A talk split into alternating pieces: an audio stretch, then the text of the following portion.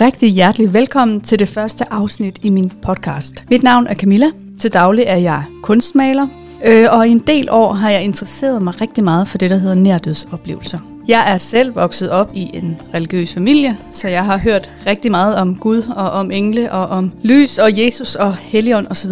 Til gengæld er jeg stadigvæk rigtig bange for at dø, så for mig er nærdødsoplevelser det tætteste, vi kommer på i gåse og en sandheden omkring det, der sker, når vi tager fra. Så jeg håber ved at snakke med de her mennesker i min podcast, at jeg kan blive mindre bange for at dø. Og måske er der også nogle af jer lyttere, der kan blive mindre bange for at tage herfra den dag, I skal det. Jeg har hørt og set og læst rigtig meget om nærdødsoplevelser. Det har bare mest været amerikanere eller englænder eller folk fra andre lande, der har haft de her oplevelser. Så jeg har savnet nogen fra mit eget land, Danmark, som har lyst til at fortælle deres historie. Nu har jeg så været så heldig, at der er nogen, der har lyst til at deltage i min podcast og fortælle lige nøjagtigt deres historie. Og min første gæst i dag, hun hedder Dorte. Rigtig hjertelig velkommen, Dorte. Tak skal du have, Camilla. Jeg har ja, selv tak. Jeg er rigtig glad for, at du er med. Øh, jeg har selvfølgelig en rigtig masse spørgsmål til dig, så jeg synes bare, vi skal kaste os ud i det. Ja, lad os gøre det. Ja, Øhm, først og fremmest kunne jeg godt tænke mig at høre lidt om din baggrund, Dorte. Hvordan er du vokset op? Hvad er det for en familie, øh, du er vokset op i? Jeg er vokset op ude på landet, hvor man havde gået rundt omkring så men vi boede i ganske almindelige villahus øh, ude i Allerød. Så det var simpelthen meget almindeligt. Der var masser af, af dyr omkring os, altså på, på marker og alt sådan noget, så det var helt ude på landet. Jeg vil ikke sige, at vi, vi voksede op i religiøst overhovedet, og jeg vil heller ikke sige, at min mor og far de troede på Gud og har påvirket os i nogle retninger om, hvad vi skulle tro på og hvad vi ikke skulle tro på. Men ellers vi er alle sammen både blevet døbt og konfirmeret. Altså, ja, men, så det er almindeligt, kan man sige. Det, som, som rigtig mange oplever igennem deres opvækst her i Danmark. Ja, ikke? Altså nu er jeg jo 63 år gammel, så der, der er nok forskel på dengang og i dag. ja, det er selvfølgelig rigtigt nok. Man var heller ikke født med en mobiltelefon. Nej, det er rigtigt. Og, altså, man kan sige, at vi har jo stadigvæk rigtig mange af de kristne traditioner, ikke? Ja. Og de fleste så. går i kirke til jul og, og så videre, ikke?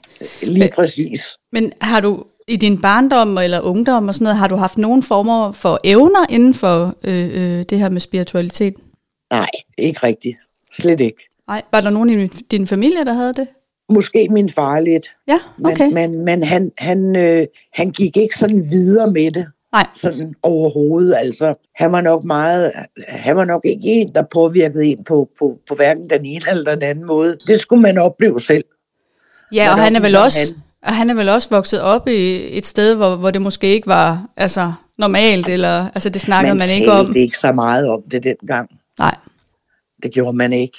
Nej. Der var nogen sådan, men, men det var jo ligesom nogle, nogle, nogle andre mennesker. Altså sådan, man blev sat lidt i bås alligevel i gamle dage også. Helt sikkert. Det er blevet meget mere op i tiden, jeg tænker, inden for de seneste 10 år er det jo blevet ja, meget mere, der altså der er man blevet meget mere meget. åben, ikke? Jo, jo, ja. lige præcis. Nå, men nu kommer vi jo til det rigtig spændende, Dorte. Ja, jeg kunne jeg rigtig godt høre om din, en, jeg vil rigtig gerne høre om din, om selve oplevelsen. Hvad skete der op til, og hvordan gik det så galt, kan man sige? Ja, altså jeg havde en oplevelse for de der 42 år siden. Jeg boede inde i København og var en ung pige, og, og jeg, havde, jeg, jeg var i 9. måned og skulle føde, og øh, ville have min kæreste til at ringe efter en taxa. Det kunne han så ikke helt finde ud af, fordi han var så forvirret og alt muligt andet. ja. Så øh, jeg endte med at blive så gal på ham, så jeg gik ned på Rigshospitalet. Jeg boede så tæt på Rigshospitalet dengang. Og, øh, og da jeg kommer derned og kommer op i en elevator, og så noget lige op til fødegangen, så er der altså nogle mennesker, der tager hurtigt fat i mig. Og jeg ryger op på, på en borger meget hurtigt, og ja. så er det meget akut og ryger ind. Og så oplever jeg faktisk det, at ben og arme, det begynder at fuldstændig øh, at ryste og banke og gøre ondt alle steder i hele kroppen på mig.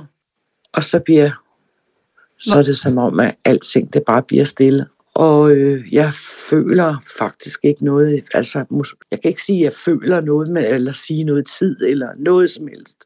Det, det næste, jeg sådan mærker, det er bare, at jeg er højt op over mig selv, og kigger ned på den der stue, jeg er på. Og rundt omkring den, der står hele min familie. Og så føler jeg et voldsomt øh, lys, der er. Og så øh, er der nogen, der begynder sådan at hive og flå i mig, hvor jeg bliver rigtig godt vred. og, øh, og så forsvinder alting i, igen, mere eller mindre. Og så viser det sig faktisk, at, at jeg var, havde været død, og jeg var ved at blive genoplevet. Og det får du fortalt bagefter, da du er kommet tilbage? Ja, det fortæller jeg så min far.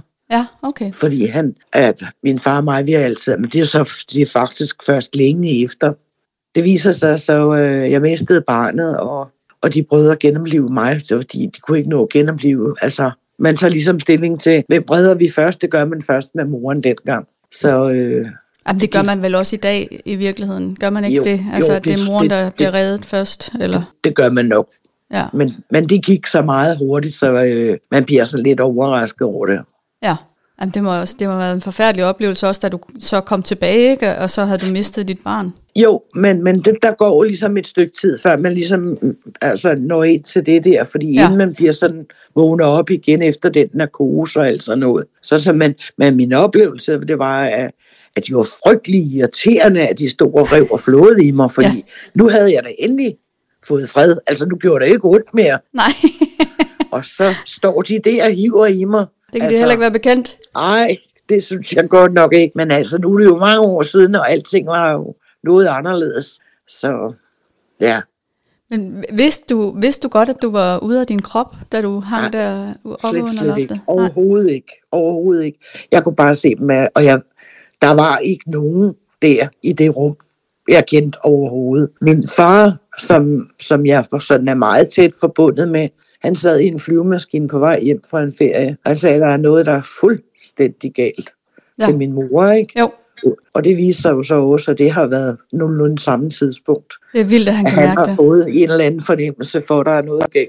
Det har man jo hørt om før. Jeg havde blandt andet en, en skolekammerat der i, i gymnasiet, Anne Mette, som lige pludselig en time, oh, der er sket noget med min farmor, og så måtte hun ud og, og ringe op, og ganske rigtigt, så var hendes farmor faktisk øh, død, øh, måske en halv time inden, eller sådan noget. Det var, det var ret sådan, wow, det, det var vildt. Det er at, lidt mærkeligt. Ja, det var vildt at høre om os. Ja. Ja. Så det er lidt mærkeligt, men, men man snakkede ikke så meget om det dengang. Nej, så I snakkede ikke, øh, I, I talte ikke så meget om, om din oplevelse, eller? Altså, jeg snakkede med min far om det, men ellers så, så snakkede jeg ikke med nogen om det. Nej, heller ikke din mor? Nej, jeg har ikke sådan været tæt på min mor på den måde. Der var jeg tæt på min far, og han, han havde også forretning derinde omkring, hvor jeg boede, så jeg så ham Ah, rigtig så- meget. Vidste du godt, at du var ved at dø, da du, da du hang derop? Eller hang? Eller svævede? Ja. Eller hvad du gjorde? Jeg, jeg, jeg, jeg, jeg, jeg tror bare, at man, man, man sådan siger, jeg er fred. Altså, nej, Ja. jeg tror ikke, at, at man, man, man tænker over, jeg, jeg er levende, jeg er død, eller jeg føde, eller hvad laver jeg i grunden her. Det, det tror jeg ikke, man tænker over. det var vel også en overraskelse i sig selv at være deroppe, eller, eller det ved Ja. jeg ikke, om det var. Det, det var en mærkelig fornemmelse i hvert Ja. fald, at, at, at hænge og så kigge ned på sig selv, og så se nogle, altså ens familiemedlemmer stå der og, og kigge. Sådan, Jamen, og det er også, altså lige nøjagtigt den oplevelse er jo også vild, for din far og mor sad jo faktisk i et fly på vej hjem, ja. Ja. men du så dem på stuen samtidig ja, med. og de kunne, det kunne slet ikke lade sig gøre. Nej, det kunne slet ikke lade sig gøre. Overhovedet Nej. lade sig gøre. Så det var jo det, jeg synes, der var rigtig mærkeligt. Ja, det er super mærkeligt, men jeg har hørt i, nogle, i en af de her podcasts, jeg hører, at, øhm, at det er ligesom om, at, at man godt kan være flere steder på én gang. Og der er så også nogen, øh, der mener, at vi lever flere liv på én gang og sådan noget. Altså, det ved jeg ikke rigtigt, om jeg tror på, men, men, øh, men det her, det er, det er ret vildt i hvert fald, at du har oplevet det. Jamen, og, og før det skete, ikke også, der, der havde jeg en fornemmelse af, at man, jeg så en hel masse klipt, sådan af hvad der havde været sket i mit liv, som Nå. der farede igennem hovedet. Okay. Ligesom en, en, en, en film, der kører meget, meget, meget ja. stærkt, hvor jeg sådan så en hel masse klip, men, men det gik så stærkt, så jeg, kan næsten ikke, jeg kunne næsten ikke registrere, hvad det var for nogle klipt. Eller når man kører under en tunnel, og man kører med rigtig høj hastighed, og ser alle lysene. Og så flimrede Det var- minderne og så billederne var ligesom det forbi. som om, at det var billeder, der var derinde. Men jeg kan godt blive usikker på, om det var billeder, eller det var lys. Fordi det gik ja. så stærkt, Ja, så billederne kunne gå så hurtigt egentlig, så, så det virkede som lys. så jeg faktisk ikke kunne nå at følge med selv. Wow. Kunne du, øh, hørte du, altså kunne du høre, at der var nogen, der sagde noget og sådan noget, mens du var deroppe? Nej, nej, slet Nej. ikke. Der var helt stille. Fuldstændig musestille. Men det var... Ingenting. Altså, jeg havde slet ikke hørelsen med. Altså, heller ikke, at de skramlede og rumlede eller et eller andet. Altså, det gør de jo på en stue, det ved man jo, når de arbejder. Der var ingen lyd på. Der var helt stille. Helt stille. Men det var en, en dejlig stillhed, eller? Altså, hvis du spørger mig, Camilla, om jeg er bange for at dø, så vil jeg sige nej. Hvor fantastisk. Men jeg, men jeg kan blive bange for måden at dø på. Man sad fastklemt et sted og skal, og skal skæres fri, eller man, man er ved at drukne og ikke kan komme i land, eller sådan nogle ting der, man, hvor man ligesom kan have hovedet med, og, ja. og bare kan se, at man magt kan ikke komme ud af det. Det må næsten være det værste. Det tænker jeg også. Men selve døden, sådan befrielsen i det, den, den vil jeg ikke være bange for. Ja, for det lyder også som om, det var nemt at komme ud af din krop, kan man sige. Lige pludselig så var du bare ude. Ja, og det, det kan man godt blive sådan lidt overrasket over, føler jeg i hvert fald. Havde du så... nogen fornemmelse af, om du stadigvæk havde en krop? Nej, slet ikke. Overhovedet ikke. Altså, overhovedet. Jeg var bare væk. Wow. Altså, med, med det der med højde, længde, bredde, dyr, eller noget som helst, det var der slet ikke. Altså, rum, altså, hvor meget man sådan ligesom fylder i et eller andet den var der slet ikke. Man kan også sige, at det var jo et rimelig kort stykke tid, du var væk. Eller det har de, mås- de har måske ikke, øh, eller det ved du måske ikke, hvor, hvor lang ja. tid det var, du var væk. Det har, det har været registreret, men jeg kan altså desværre ikke huske, hvor, ah, hvor, hvor, hvor lang tid der gik. Fordi det står i papir og sådan noget jo. Jamen, de fleste fortæller også, at de mister fuldstændig altså, du ved, fornemmelsen for tid, når de er Ja, men det gjorde jeg også. Fuld, fuldstændig. Jeg mistet fuldstændig. Der, jeg kan slet ikke huske noget rigtigt, Nej. før jeg vågner op. Wow. Andet end det der, jeg jeg oplevede. Ikke? Men jeg tænkte, det skal man da ikke sige, så tror folk jo bare, du tager i hovedet. Altså, altså gik der lang tid, før du sagde det til nogen? Jeg, der, jeg sagde det til min far et stykke ja. tid efter. Og Men... så sagde han så, ja, du, det, det var også en grim oplevelse, du fik. Så det, jeg kan godt forstå, der er et eller andet, og du, du var jo også væk. Men du fortalte det ikke til venner eller kollegaer? Nej, eller? nej, nej. Slet, ikke, slet ikke noget om. Hvordan kan det være?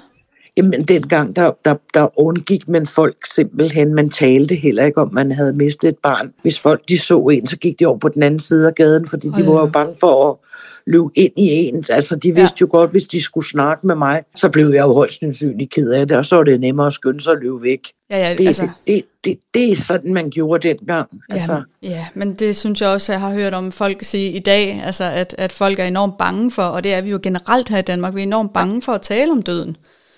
Altså, det, øh, det har jeg altså også en fornemmelse af stadigvæk. Ja. Mange folk er. Altså, de tager jo heller ikke engang stilling til, hvad, hvad ved de efter døden?